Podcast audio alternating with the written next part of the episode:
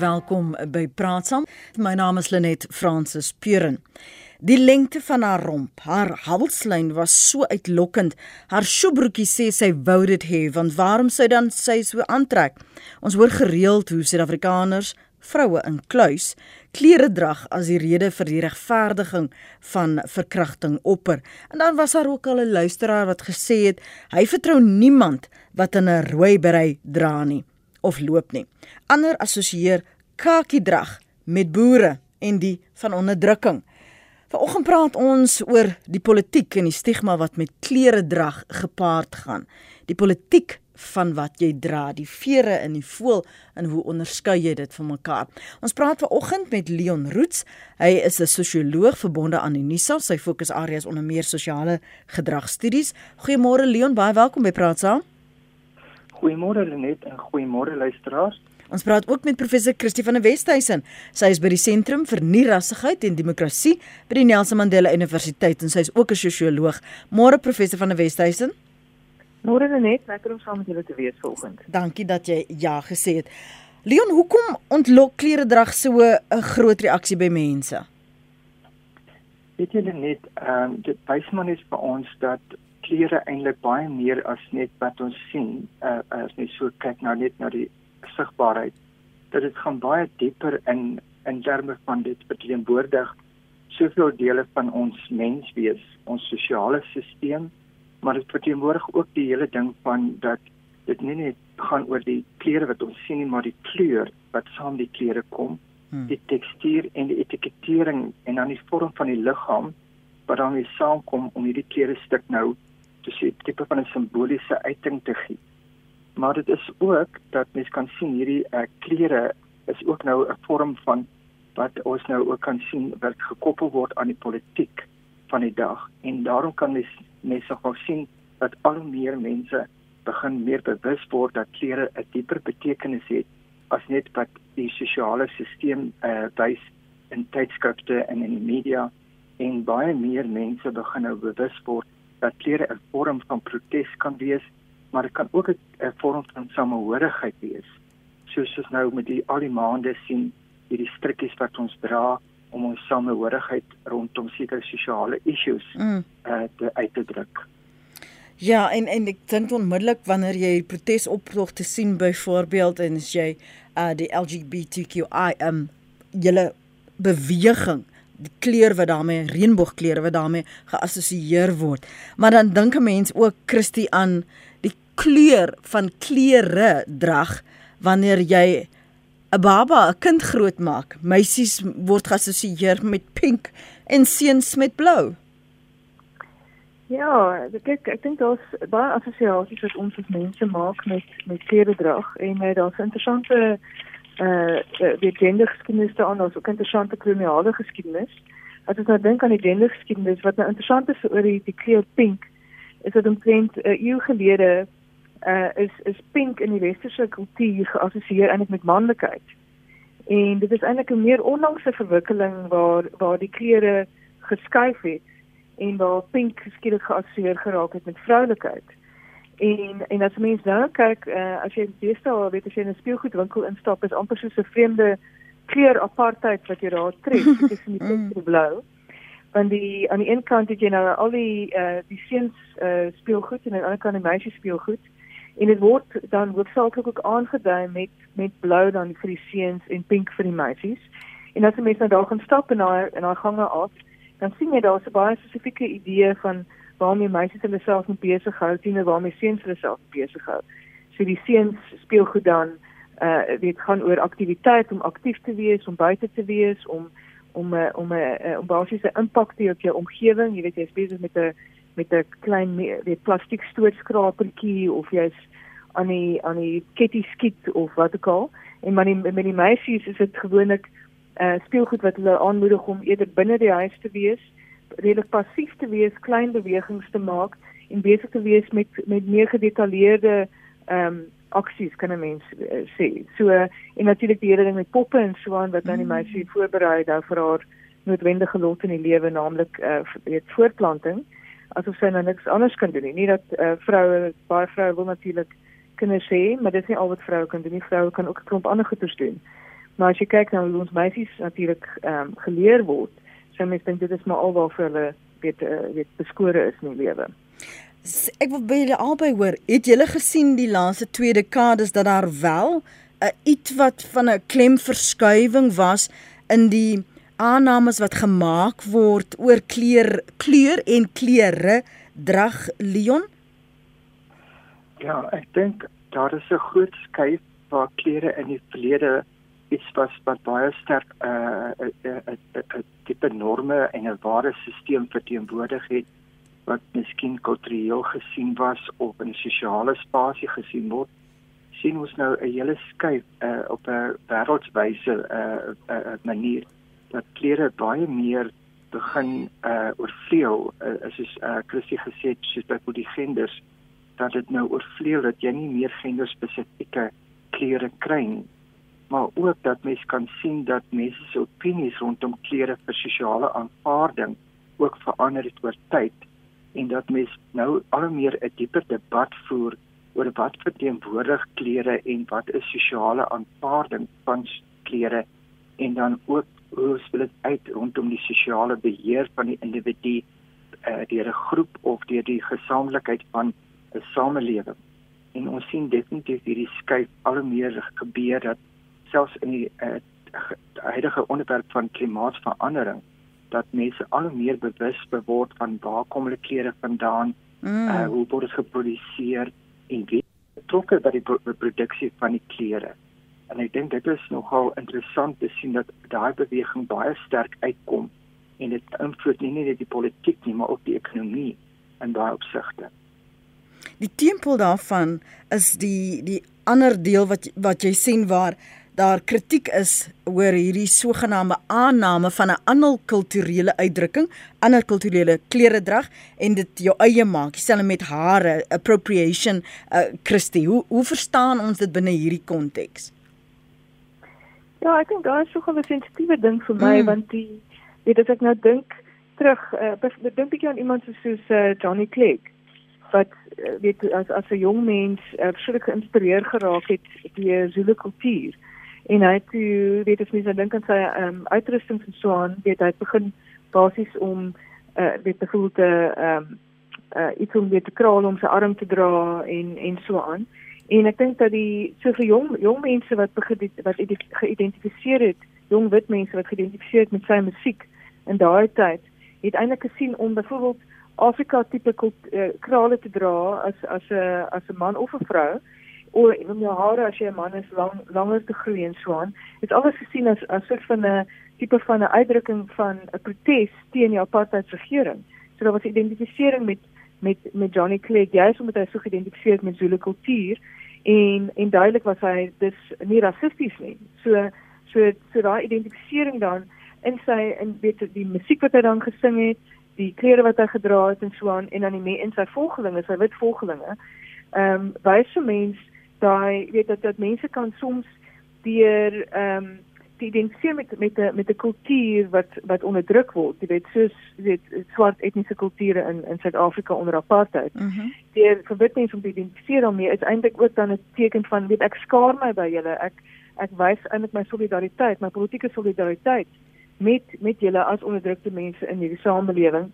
Ek glo dit is verkeerd dat julle onderdruk word en een van die maniere waarop ek dit uitdruk is is met is is deur my klere dra en my hare en ensovoorts. Uh nou natuurlik is ons in 'n in 'n ander soort fase waar dit ehm uh, waar sommige mense sien dit as 'n uh, as sogenaamde appropriation. Ehm um, maar ons is natuurlik hier weer eens baie onder die invloed van die FSA en daar het ons in die FSA is daar definitief 'n baie groot probleem met wit mense wat wat swart ehm um, wat wat swart kultuur op 'n manier gebruik om hulle self te bevorder. Weet jy, hulle in die, in die NVS het al regstellende aksie vir vir baie langer as hier en uh, een van die maniere waarop dit mense byvoorbeeld ehm um, kan baatvind by regstellende aksie is om hulle self aan te bied as nie 100% wit nie. En en dit natuurlik gaan dit ook saam met hoe hulle hare dra en so aan. Daar was 'n paar ehm um, bekende uh, die Donnezel uh, geval nou onlangs. Mm -hmm. Daar's 'n paar bekende gevalle, weet van waar mense hulle self aanbied as ek is eintlik ehm um, uh, Afrika-Amerikaanse persoon, maar maar maar werklik is is die persoon eintlik wit.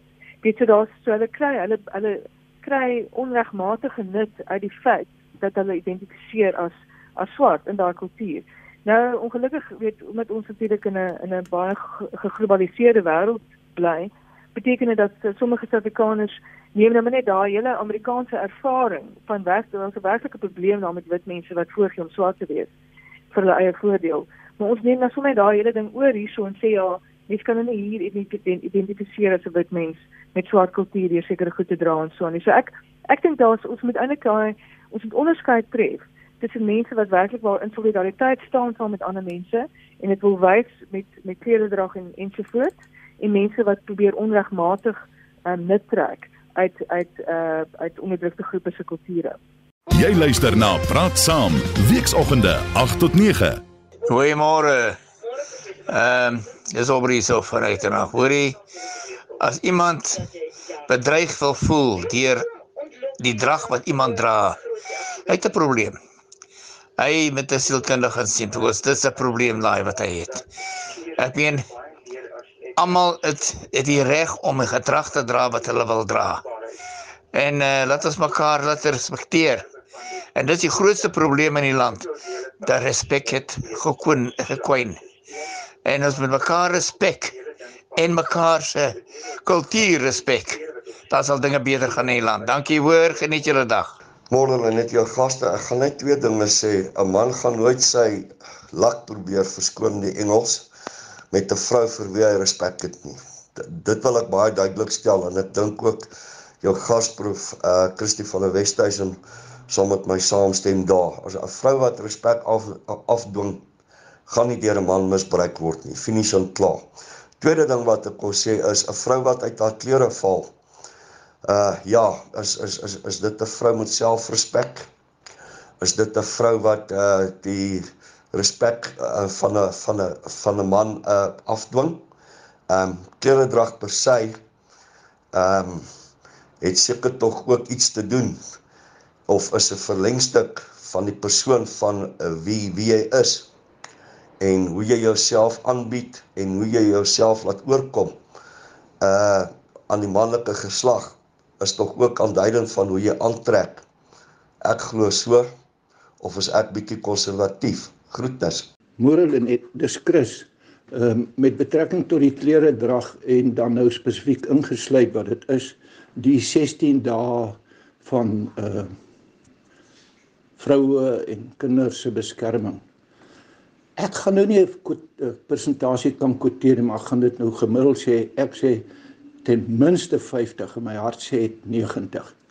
Van die vrouens soek daarvoor en hulle dogters want dit kom maar van die ma af dat die klere drag is absoluut uitlokkend veral as hulle so mooi is en hoor hoe sê ek dit nee wat dis maar net my inset mooi dag goeiemôre ek wil daarom net ook laat weet hoe ek dink kleure 'n rol kan speel ehm um, ook in verkope sien my vrou is baie lief om ehm um, ook 'n bietjie werk te doen in en om die huis, houtwerk en ehm um, goedertjies vas te draai en so. En uh, sy koop altyd gereedskap as daar 'n pink kleurige ding op die rak is uh, en dit het begin by hierdie gewone DIY tools die die meer bekende Lansky DIY tool wat die manne ehm um, koop ten duurste en ja, toe sien ek hulle begin dat die goed in 'n pink kleur maak en uh daar's nou pink skroewedraaier stelle, pink uh bore in kraggereedskap. En ek dink vir die vir 'n normale vrou of vir 'n vrou wat wat normaalweg gaan kraggereedskap koop, gaan die manne agter die toonbank ah, dalk miskien dalk snaaks uitkyk uh, en wonder nou wat wat wat doen hierdie tannie nou? Hoekom koop sy nou hierdie gewone groen en bekende blou industriële kraggereed kraggereedskap. Maar as dit 'n pink kleurige um, masjien is en 'n pink skroewe daar is, dan is dit al vroulik. Ehm um, en die vrouens hou daarvan om ook werkies in en om die huis te doen en ek dink hulle geniet ook as daar 'n kleur is uh, in in gereedskapstelle wat wat by hulle pas. So nee wat ja, ek dink ek die kleur van gereedskap speel nogal 'n groot rol oor uh, daai normale persepsie by by mans uh, en ja nee wat ek dink hulle kan maar meer klere vir vrouens maak. Ja, en dit is lekker om kakie klere aan te trek. 'n boerseun, ek trek my kakie klere aan en ek voel die gemaklikste daarin. Baie dankie vir die SMS'e. As jy adverteer, moet jy weet jy gaan belangstelling kry, skryf 1. Ander een sê kleredrag is vrye keuse. Verskillende mense oordeel deur mense se klere keuse volgens hulle eie opvoedingsstatus op vlak. Uh wederwysige respek uiters belangrik, skryf anoniem. Soldate in die ou tyd staal harnasse en spiese. Nou dra soldate lapuniforms en gewere. Die wêreld aanbeweeg en die mens daarmee saam, skryf Anna. Uh, dan skryf 'n ander een boere dra kakie omdat dit fit cool. Dit seker maar dit cool is in die son, hè. En 'n ander een sê Um, rape has nothing to do with dress code. The rapists must have something mentally that triggers them off. I'm sure it is the manner in which they were treated as a boy by a woman. During early decades, women hardly wore garments. It is nonsense that women are to blame for not covering up. Uh, Erna van Welkom skryf weer, jy kan aantrek wat jy wil, jou gesondheid, jou gesindheid, ekskuus, sy verdeur. En dan sê Piet klere if not in business don't advertise. Dis nou van ons luisteraars se SMS daarin en môre ook aan jou Gerald Bierman. Uh, jou kommentaar oor wat ons luisteraars in hul stempos uh, na verwys Leon. Ja, net uh, dit praat maar nog steeds oor uh, waar ons is in die uh, modewêreld en ook in die wêreld van klere en dat dit uit en uit nog praat dat ons in die samelewing uh, nie net in Suid-Afrika nie maar in 'n in 'n groot deel van die wêreld nog met 'n baie manlike dominansie uh, van wat is aanvaarbaar en wat is nie aanvaarbaar nie. En hierdie sosialisering kom ook oor generasies waar die ma 'n bepaalde uh, voorbeeld uh, probeer leef het van wat is vrou wees in 'n gesin, wat is vrou wees in uh, ander aspekte van die lewe en hierdie goed uh hierdie gelowe al speel nog uit in baie opsigte as mens luister na die luisteraars en baie uh, hoe hulle van vrou sien hoe sy aantrek en hoe sy haarself uh, en, en ek aanbied. En dat dit 'n groot rol wees om die verstaan en dan die aanvaarding van vrou wees nog uh te verteenwoordig. Maar dat mens ook gelyktydig begin sien dat al meer mans begin opstaan en sê maar ons moet andersins kyk. Ons moet begin hierdie norme verander en ons moet ook begin kyk hoe hierdie norme vorm van beheer en selfs onderdrukking van die vrou begin uh uh uh um teen teen staan.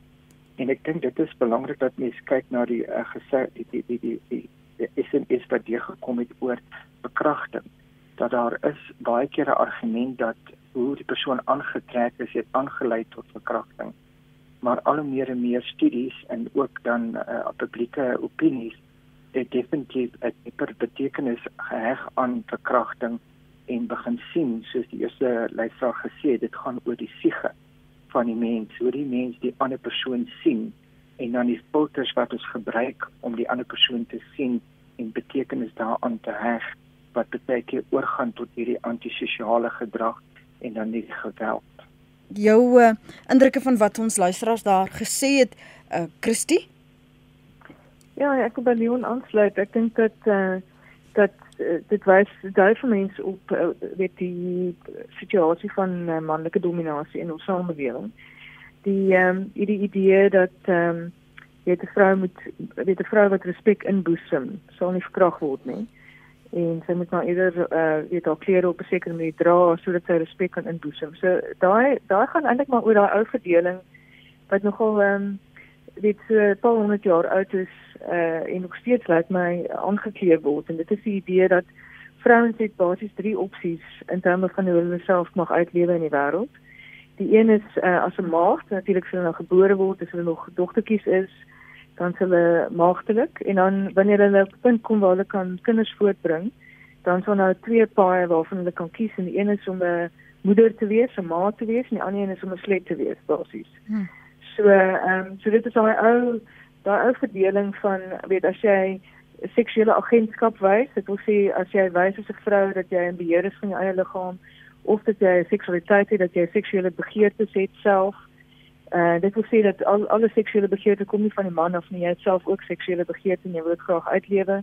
As jy dit op enige manier aandui, of as jy wil aandui dat uh, dat jy weet geniet jou eie liggaam en jy geniet dit om uh om weet om jou liggaam op sekere maniere te klee en en om in die buitewêreld te wees op sekere maniere met sekere klere dra en so aan. As jy dit nou aandui dan dan is dit is jy nou besig om om nie regtig 'n goeie vrou te wees nie. Want goeie vrouens moenie eintlik hulle liggame geniet nie. Hulle moenie hulle hulle moenie eintlik 'n seksualiteit ook hê nie. Seksualiteit is eintlik iets wat mans aan vrouens doen. Dit is nie iets wat vrouens self mag hê nie. Ehm um, en uh en so aan. Jy weet, so dit gaan eintlik oor 'n sekere soort aanduiding van van wat dit beteken om 'n vrou te wees. 'n ja. Vrou weet moenie moenie agentskap wys nie, sy moenie haar eie wil wys nie. Sy moet basies inval op een van die twee bane wat wat of die slet of die ma is en en dis nou maar haar lot in die lewe en sy het nie eintlik veel van 'n keuse daarin nie. Die die natuurlik het ons het baie dinge nou verander in die in die laaste ehm um, 200 plus jaar vandat ons feminisme het. So ehm um, en basies is is die argument wat wat vroue aanvoer die afgelope baie tromp dekades dat uh ja ons het eintlik die reg om oor ons eie liggame te besluit ons het die reg om te besluit wat ons aantrek en hoe ons aantrek en en spesifiek ehm um, so, sommige vroue deesdae as 'n vorm van protes dra dan ook klere wat wat hulle basies sê ehm um, jy weet ek sou aantrek soos ek wil. En jy ja. jy kry uh, in in die in die weste is daar die sogenaamde hierdie slut walks wat basies is eh uh, dit meestal jong vroue maar ook ouer vroue wat basies aantrek presies soos hulle wil en hulle gaan stap in die pad af en hulle ehm um, weet as en dit is 'n optog, 'n politieke optog en daarmee sê hulle ek sou aantrek soos wat ek wil en dit gee niemand geen man die reg om my seksueel aan te rand omdat ek wil aantrek soos ek wil nie. So So ek dink ons moet 'n bietjie ehm um, herdink hoe ons dink oor vrouens. Ons 'n bietjie bietjie herbedink ehm um, weet uh, mag weet mag vroue beheer oor hulle eie liggaam. Of sê ons eintlik dat 'n vrou geen beheer mag hê oor haar eie liggaam nie? Mag 'n vrou haarself persoonlik uitdruk? Mag sy mag 'n vrou eie seksualiteit hê? Of sê ons eintlik vrouens het nie 'n reg op 'n eie mm. seksualiteit nie, net mans het, het reg op eie seksualiteit? weet so dit is uit en dit is die vraag wat wat opkom. Weet die die eenstemnote waarin die persoon gesê dat 50 tot 90% van vroue soek vir verkrachting ek dink is werklik waar. Dit dit verklaar natuurlik hoekom Suid-Afrika een van die hoogste koerse van seksuele aanranding en verkrachting in die wêreld het. En spesifiek deur intieme uh, maats. So ek neem aan dat die man dink dit is heeltemal geregverdig dan om vroue te verkragt binne die verhouding en buite die verhouding. En ek dink dit is dit is werklik wel skokkend en hoogs onaanvaarbaar. Dit is werklik waar uh, om, om te suggereer dat net omdat 'n vrou haarself uitdruk as 'n mens mag sy seksueel aangerand word. Is werklik waar absoluut onaanvaarbaar. En dit is ook krimineel. En uh, en indien die persoon sou ehm um, sou tot aksie oorgaan is daardie persoon vervolgbaar met tot 25 jaar tronkstraf in Suid-Afrika of meer so Leon een van die luisteraars hier in die einde het, het gepraat van normale vroue maar wat kraggereedskap of toerusting byvoorbeeld koop en dat dit nog steeds dan in in in 'n kleur van pink nou beskikbaar is en dat vroue dan nou geneig is om dit te koop. Kom ons praat aan die breë oor hierdie sosialisering en stigma en die boodskappe wat byvoorbeeld bemarkers en um, maatskappye nog steeds um, ondersteun en daarmee volhou wetend dat die wêreld het tog ook verander kyk daar's baie geld uh net in betrokke en ons eintlik baie mag nog agter dit. En ek dink mens moet bietjie terugstaan na die groot prentjie van Sissy modehuise en dan ook die tydskrifte industrie want ek meen die tydskrif industrie en nie net vir vrouens nie maar vir ons mans ook as mens kyk na wat is die perfekte liggaam wat is die perfekte klere vir sosiale aanvaarding en kleur wat daarmee saamgaan. Jy weet dat uh, pink vir man wees uh, simboliseer nou weer 'n uh, ander uh, betekenis dat jy of homoseksueel is of jy's 'n sagter man wat hou van sagte klere. En selfs baba blou uh, as 'n man dit dra word dit uh, gestigmatiseer. En kleur het baie te doen met die interpretasie van dit en wat dit simboliseer in baie opsigte van ons verhoudings met mekaar en ons kan sien hoe die uh, hierdie hele modebeweging altyd uitbuit en dat daar gedurende 'n uh, 'n uh, uh, amper herbevestiging van sekere normes en waardes is wat hierdie uh, uh, ekonomie dan voed. En ons sien dit soos die luisteraar gesê het dat hulle selfs nou in die gereedskapsindustrie nou al begin kleure gebruik om te nog steeds te onderskei tussen die man en die vrou. Alhoewel hulle glo dat die mark sou groei, want nou gaan al hoe meer vrouens pink gereedskap koop. Mm. Maar eh uh, die studie wys dat hierdie lê agter die hele ding van nog steeds dat die persepsie is dat die uh, sekere spasies, sekere sektore behoort aan 'n man en die ander sektore behoort aan 'n vrou en dit word uh, op die wêreldekonomie nogal groter gedryf. So mense moet nie net op die plaaslike mark gaan kyk en sien hoe die impak op ons as individu is nie. Maar mens moet ook van sien hoe dit op die uh, uh, gesamentlike samelewingsvlakke uitspeel. En dit kom weer na die hele persepsie van male dominansie wat dan uitspeel nie net teenoor vrouens nie, maar ook mans teenoor mans. En uh um, dit dit dit speel nog uit dat jy ook sou sien dat van die gereedskap as mens reg gaan diep analiseer en jy sou 'n keuse daar op die tafel sit en sê jy kan enige gereedskap kies sal mens reg noodwendig vir kleur gaan of sal mens die bruikbaarheid gaan en dan kyk hoe dit dan geslagsverandering of geslagsverskille uitwys. Hmm. En ek dink dit is waar baie keer die media die ding nogal bietjie aanhits dat dit dit die stereotipering kom nog baie sterk deur in die media. Anna skryf nou kry meisies se klere skuld vir swak persoonlikheid van die mans. Dis oor slegte mans wat hulle kom aan ons land weg met alles, skuif hulle swak gedrag opvoeding af op meisies se klere en die howe speel saam en meisies word verder verneder. Hannes sê oudtyd lank lank gelede en tans dra skotte mans 'n skirt. So vir hulle is dit sosiaal aanvaarbaar. Was dit nie maar eers later jare dat mans naat langbroeke dra het toe begin perdery het nie. So hulle kan hulle man staan hoewel alhoewel vroulike gedrag so hulle kan hulle man staan hoewel vroulike gedrag so ongeag sosiale strukture bepaal aanvaarbare klere drag maar respek en selfgeldenheid begin en eindig by eie persoonlikheid ek dink dis die einde van daardie SMS en dan sê ander luisteraar mans verkragt dan 80 jariges wat nie seksie klere dra nie klere is nie die trigger nie. Hier is nog van ons luisteraars se menings. Uh goeiedag, dit is Ria hier van Centurion. Ek het nou net gehoor, ek is 'n bietjie besig, ek het nou net gehoor julle praat oor klere dra vandag. Weet jy wat in die 50s, die 60s, die 70s, ek kom van die 70s was vir al die die 60s en goed so toe dit nou twee met die minis en al goed was was baie van die die klere ons modes die fashion soos hulle sê gekoppel aan die die die musiek en dit was uh, twee met haar minis en dit was altyd daar was altyd 'n jy kon altyd gesien het daar was 'n tema, daar was 'n dit dit was dit was altyd iets gewees. Die modes was altyd um, altyd gekoppel soort van aan die musiek. As jy vandag nog na ehm um, musiek van daai tyd luister, dan dink ek ons altyd aan daai tyd se musiek, ons minis wat ons gedra het, ons wye pypbroeke wat ons gedra het. En wanneer ons altyd na troues toe gegaan het, het ons ons tipe aandklere aangetree en ons het mooi gelyk en ons het verskriklik netjies gelyk. Waar daar vandag niks daarvan is nie ek het al gesien van hierdie jong mense wat byvoorbeeld hier by by by by in die, in die, in die mall rondloop wat verskriklik lyk. So ehm um, daar's nie meer 'n tema nie. Daar's nie meer 'n 'n set van 'n ding nie. Ek het al mense gesien wat by troues kom, kom hulle met plakkies daaraan. Dan kom hulle met broeke by begrafnisse aan. Hulle kom met 'n uh, eh, kaal hem uh, toppies by begrafnisse aan. Daar is nie meer 'n set norm nie wat eintlik baie hartseer is. Daar's niks meer wat jy kan sê wat iets is waarop jy trots kan wees nie.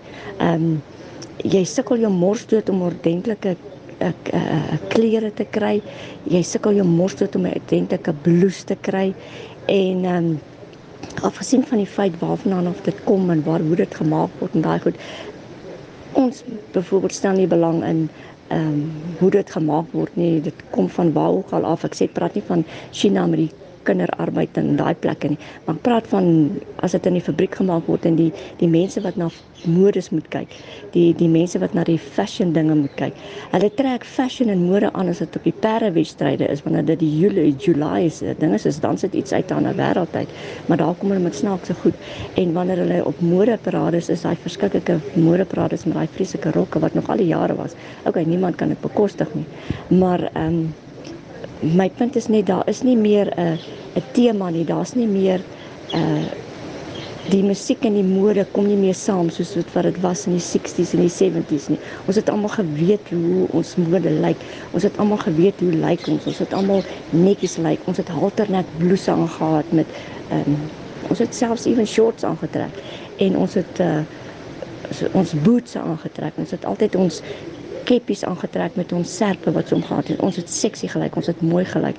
En die meer, baie van ons was ons het ons het um, die meeste van ons was verskriklik maar en ons het verskriklik mooi gelyk en en en, en so en daar was baie gaga modes ook. Daar was dit was daar gewees. Maar um, ons het weer gesorg dat ons na die nuusste ons het altyd gesê jy's liewer dood as uit die mode uit. So um, dis vir vir ons net vir my nou net baie 'n ding van dat daar nie meer 'n norm is nie. Daar's nie meer 'n iets om op trots te wees nie. Dis al wat ek maar wil sê. Goed hoor. Môre Lenet. Um as 'n man aantreklik um is en hy's mooi aangetrek of of seksie aangetrek, um gee dit my die reg om hom te bespring. Ek as 'n vrouemens gee dit my die reg om hom te bespring en om te bevoel en en allerlei goed aan hom te doen omdat hy omdat hy goed vertoon. Um laat ek vir jou sê in Singapore, né, jy kan in jy kan 10 ure in die aand in 'n in 'n mini skirt kan jy op die op die trein rondry. Jy jou jy kan soos 'n cleavage hê. Niemand sal jou enigiets aandoen nie. Nee, regtig waar, ek dink die probleem lê by by hoe ons daarna kyk. Ek meen, yes like, um omdat iemand nou um um jy weet aangetrek is en bietjie been en boobs wys, beteken dit nou, jy weet, dit is 'n uitnodiging om haar te bespring. Nee, ek dink nie so nie. Groete Jean. Ek het so rukkie terug op TV 'n uh, insetsel gesien oor die geskiedenis van die SAIK en dit was opmerklik met al die ou fotos en dinge wat hulle gewys het. Hoe ongelooflik netjies almal by die werk opgedaag het mans het 'n pak klere aangetree met 'n das, toe knoop hem. Dames het A-lines uh rompies aangetree, mooi blousie. Hulle het almal vroulik gelyk. Hulle was almal netjies. Um ek dink net ons kleredrag oor die algemeen um het verswak soos die generasies um deurgekom het ek het geen probleem. Ek het self twee tienerdogters. Ek het geen probleem daarmee met um jeans en takkies en 'n 'n toppie wat miskien 'n bietjie midrif wys en al daai dinge. Dit is hoe die jong klomp aantrek. Ek het nie 'n probleem daarmee nie. Maar um hou jou boobies vir jouself. Dis nie nodig om te adverteer nie. Nommer 1 en ek dink net 'n ou moet keuses maak wat toepaslik is vir jou ouderdom. Ehm um, die Engelsman het 'n baie goeie sê ding mutton dressed as lamb. Kom ons sê hoor wat sê ons gaste na aanleiding van daardie stempos wat ons ontvang het. Dit is altyd goed om jouself uit te druk en dit is interessant hoe jy die politiek van kleredrag sien. Christo jou gedagtes na aanleiding van daardie volgende sarsie. Ek wil ook hê jy moet bietjie gesels oor norme. Want elkeen se norme is verskillend. Ja, wel daar is uh, ons het verskillende norme op op ons dink ons het. Mm. Dus, uh, is ons almal onderhewig aan 'n uh, 'n stel norme wat waarvan sommige die groot ding van 'n norm natuurlik is norme werk dit is onsigbaar. En ons is nie bewus eintlik van die werking van norme nie en uh, die spesifieke norme wat ons nou op die oomblik praat is patriargale norme. So dis die norme van die patriargie wat dan sê dat ehm, 'n um, vrou wat op 'n sekere manier aangetrek is mag seksueel aangeraand word. So uh, en ek dink ek het Raan se stelsel nota baie geniet. Ek dink sy het, het regtig die spyker op die kop geslaan dis hy gesê dat dis interessant as mense aan die situasie omdraai en sê wel mag 'n vrou 'n man wat seksie aangetrek is ehm um, bespring soos dit hy nou uitgedruk het. Uh en natuurlik mag sy nie, weet want dit is daai hele ding van wat weet hoe klere dra die kleredrag wat aan vroue voorgehou word as as die soort kleredrag wat hulle moet dra, wat ordentlik is, is eintlik 'n 'n poging tot sosiale beheer oor vroue om vir vroue te sê jy mag op hierdie manier optree, maar nie op daai manier nie. Jy mag nie jou seksualiteit uitlewe nie, jy mag nie jouself ehm um, uh as as 'n persoon uitdruk nie. Ehm uh, ek het ongelukkig nie naam van die persoon net voor Jean gevang nie, maar sy het eintlik nogal lekker breedvoerig gepraat oor die wie die die aspek van mode en natuurlik mode as as ook 'n uitdrukking van kuns en 'n uitdrukking van van kreatiwiteit ook ook ook op 'n individuele vlak want dit is eintlik wat mode jou toelaat. Mode gee jou die kans om individueel te weet jouself uit te druk om om om te sê vir die wêreld wat is esteties mm. om uh, om 'n sekere ensemble saam te stel, weet waarmee jy in die straat afstap. Natuurlik in die in die gay en lesbiese kultuur uh dis mode ook 'n baie belangrike manier om sekere om juist patriargale norme te ondermyn en en en om ehm um, en daai gender uh, verdeling te te oorbrug en en dinge ehm um, jy weet ek dink aan 'n figuur soos David Bowie byvoorbeeld. Mm. Uh wat, Boy wat George ook, uh, daai daai periode aan die 60s en 70s, jy weet mm. waar mense soos uh, iemand soos David Bowie fantasties aangetrek het en uh en en werklikwaar op daai stadium mense nogal ontstel het en ek het ek het 'n kollega gehad uh jare gelede wat vir my sê hy was so geïnspireerd deur David Bowie hy het in gespreksstop groot geword dat hy sou het uit 'n baadjie vir homself gemaak met studs en en sterre en goeders op, weet soos soos iets iets wat Bowie sou dra. Mm. En hy het uh, met plat platform ehm um, weet stewels het hy afgestap in die hoofstraat van Klerksdorp met met gemering aan en 'n hele storie. En dit was sy ehm um, ekspressie van homself as 'n mens, sy kreatiwiteit as 'n baie begaafde uh, uitlegkunstenaar. Ehm um, en en hy's ook 'n kunstenaar. Weet mm. so dit was dit was die ekspressie van jou kreatiwiteit wat jy doen deur klere en waar jy ook sê ek stem nie saam met hierdie onderdrukkende gendernorme wat op ons afgeforceer word waar daar ons sê jy mag so sis maar nie so nie. Want op die ander kant dit gaan eintlik oor mag. Uiteindelik gaan dit oor hoe mag uit dit uitspeel op mense se liggame. Weet waar die magsorde in die in die samelewing basies uh, vir jou sê hoe jou liggaam mag mag weet dra in die openbaar ook as mans iemand het uh, vroeër gepraat oor dit wanneer dit ehm um, konvensioneel geraak vir mans in die westerse samelewing om broeke te dra. Jy het byvoorbeeld walk skoene is is iets wat begin het aksie vir mans en uh, spesifiek hier so in die, in in in Frankryk in die ehm um, sê ek verstaan in die 16de 17de eeu was dit was die was die mode gewees vir mans om walk skoene te dra. Ja. Dit het eers later aan oorgeskuif na na vrouens. So Ehm um, so ons moet ons het, ons het in ag neem hierdie goed verander soos wat soos wat magsverhoudinge verander en uh en die, en die poging om vir mense te vertel weet so en so met jouself gedra is eintlik 'n manier om vir mense te is om sosiale beheer oor hulle uit te uh oefen. Uh goed dat ons hom genoem het nie byvoorbeeld is die Victoriaanse korsette byvoorbeeld in die Victoriaanse era ja. daai korsette wat middelklas vrouens moes dra wat soms so styf was dat hulle basies flou neergeval het. Die hele idee daarmee was ook om vrouens se se liggaamsbewegings te beperk. Dit is weer 'n voorbeeld van 'n sosiale beheer. As dink in Japaneese kultuur voetinbinding. Ja. Jy daai waar vrouens se se voete letterlik as kinders word die voet gebreek en basies ingebind. So die so die vrou basies wanneer as 'n volwasse vrou, dit sê vir die res van haar lewe ongelooflike pyn. En as 'n volwasse vrou met sy basies op 'n omtrent 3 kwart van haar van haar werklike voetgrootte moet sy nou oor die weg probeer kom. Dit beteken beweging weer eens is vir haar baie moeilik. So ons moet ons het hierdie hierdie en dit was dit is 'n in in Japaneese kultuur word dit ook gesien as 'n vorm van estetika en dit word ook gesien as 'n as 'n soort van 'n mode.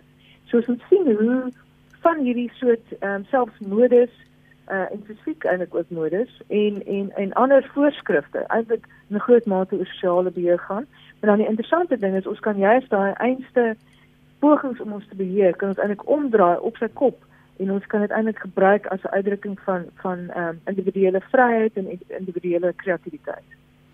Ter afsluiting jou gedagtes hieroor um, en die beweging vorentoe en wat ons as 'n uh, kultuur en as 'n samelewing kan doen om dit aan te help. Leon Ek dink net die pad vorentoe is dat ons moet al hoe meer begin ehm um, om die hele uh, tendense van klere en dan mode veral te begin bevraagteken wat lê agter dit, wat is die agenda agter dit en wie sit baie keer agter dit want ek dink dit is 'n groot vraag wat ons baie keer nie wil vra nie. Uh en dan die die tweede ding is ek dink wat ook begin moet gebeur is soos baie van die luisteraars gesê het, dit gaan oor wederwysige respek. En as ons wederwysige respek het vir mekaar as mense, nie noodwendig mense wat klere aantrek en uh, voordra nie, maar net as mense kan mens ook verbykom met baie van hierdie aannames dat sekere klere dra 'n sekere gedrag na vore bring. En dan laastens dink ek dit baie te doen ook met die ekonomie agter dit dat dit is heeltemal die ekonomie ook voed hierdie uh, tipe van mode wat dan uh, absoluut uh, bring dat mense amper uh, hulle het nie eie denke nie en dit navolg omdat dit daar rolmodelle soos jou uh, uh mense wat in die TV is of op die uh, films is wat hierdie kere net weer herbevestig en ek dink ons moet dit ook begin bevraagteken oor die rolmodelle wat ons navolg in die modewêreld. Baie dankie vir 'n interessante gesprek vanoggend. Die stem daarvan Leon Roots, sosioloog verbonde aan Unisa. Sy fokusarea is onder meer sosiale gedragstudies en professor Christie van der Westhuizen is by die Sentrum vir Nierassigheid en Demokrasie by die Nelson Mandela Universiteit en sy's ook 'n sosioloog. Baie dankie Christie, dankie Leon vir julle beskikbaarheid vanoggend op Praat Saam.